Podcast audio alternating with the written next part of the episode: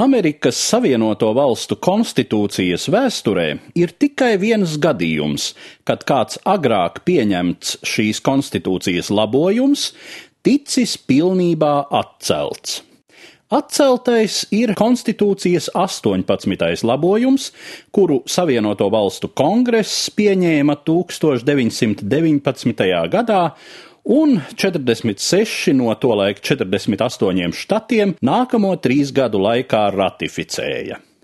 Plašāk šis labojums pazīstams kā aizlieguma likums jeb sausais likums, un tā pirmais pants pauda Reibinošu spirtotu dzērienu ražošana, pārdošana un transportēšana Savienoto valstu un jebkurā tām pakļautā teritorijā, eksportēšana no šīs teritorijas un importēšana tajā ir aizliegta. Tomēr, paējot 15 gadiem, tie paši Amerikas štati, kuri ar entuziasmu bija sauso likumu ieviesuši, bija spiesti to atkal atcelt, ratificējot šai sakarā jaunu īpašu konstitūcijas labojumu 21. Izšķirošais vārds, kas noteica labojuma spēkā stāšanos, piederēja Ohio, Pensilvānijas un Jūtas štatiem, kuri to ratificēja 1933. gada 5. decembrī.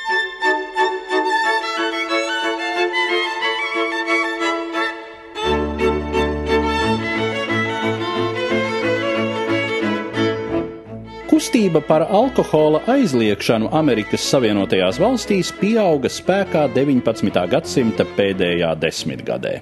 Tās priekšgalā bija vairākas kristīgas grupas ar radikālākiem uzskatiem morāles jautājumos - metodisti, baptisti, presbiteri, kvēkeri, skandināvu izcelsmes luterāņi un vēl citi. Tikmēr tradicionālie Romas katoļi un evaņģēliskie luterāņi izturējās pret tik striktu noliegumu drīzāk noraidoši, pamatoti norādot, ka morāle nav izplatāma ar administratīviem līdzekļiem. Pretrunas starp aizlieguma aizstāvjiem un pretiniekiem sašķēla Savienoto valstu lielās politiskās partijas - demokrātus un republikāņus. Dibinājās īpašas aizlieguma aizstāvju partijas Kustība lielākos panākumus guva tādos sabiedrības segmentos kā sievietes, laucinieki, melnādainie un dienvidu štatu iedzīvotāji. Iespējams, aizlieguma lobija panākumi izskaidrojami arī ar to, ka aizlieguma pretinieku nometnē sociālo grupu aprises nebija tik izteiktas.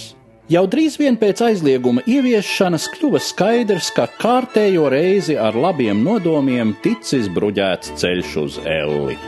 Alkohola ražotnes Kanādā, Meksikā un Karibu salās strādāja ar pilnu jaudu.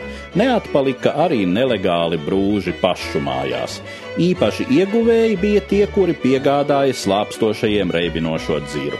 Tādi vīri kā Alska Pone un Baks Morans nevien pelnīja desmitus tūkstošu, bet pat kļuva par saudabīgiem sabiedrības mīluļiem, amerikāņu iedzert brīvības aizstāvjiem. Kad tā dēvētie vētrainie 20. tuvojās nogalei, nācās secināt, ka mēģinājums izspiest Ameriku sausu ar barga likuma roku ir cietis neveiksmi. Tomēr arī konstitūcijas 21. labojums saglabāja spēkā pilsoņa konstitucionālo pienākumu ievērot atsevišķo štatu alkohola aprites aizliegumus. Kā norāda Hārvārdas Universitātes tieslietu profesors Lorenz Straips, ir divi veidi, un tikai divi veidi, kā parasts Savienoto valstu pilsonis var pārkāpt savas valsts konstitūciju. Viens veids ir padarīt kādu par savu vergu, un otrs - ievest pudeli ālus, vīna vai burbona kāda štata teritorijā, pārkāpjot tā alkohola aprites noteikumus.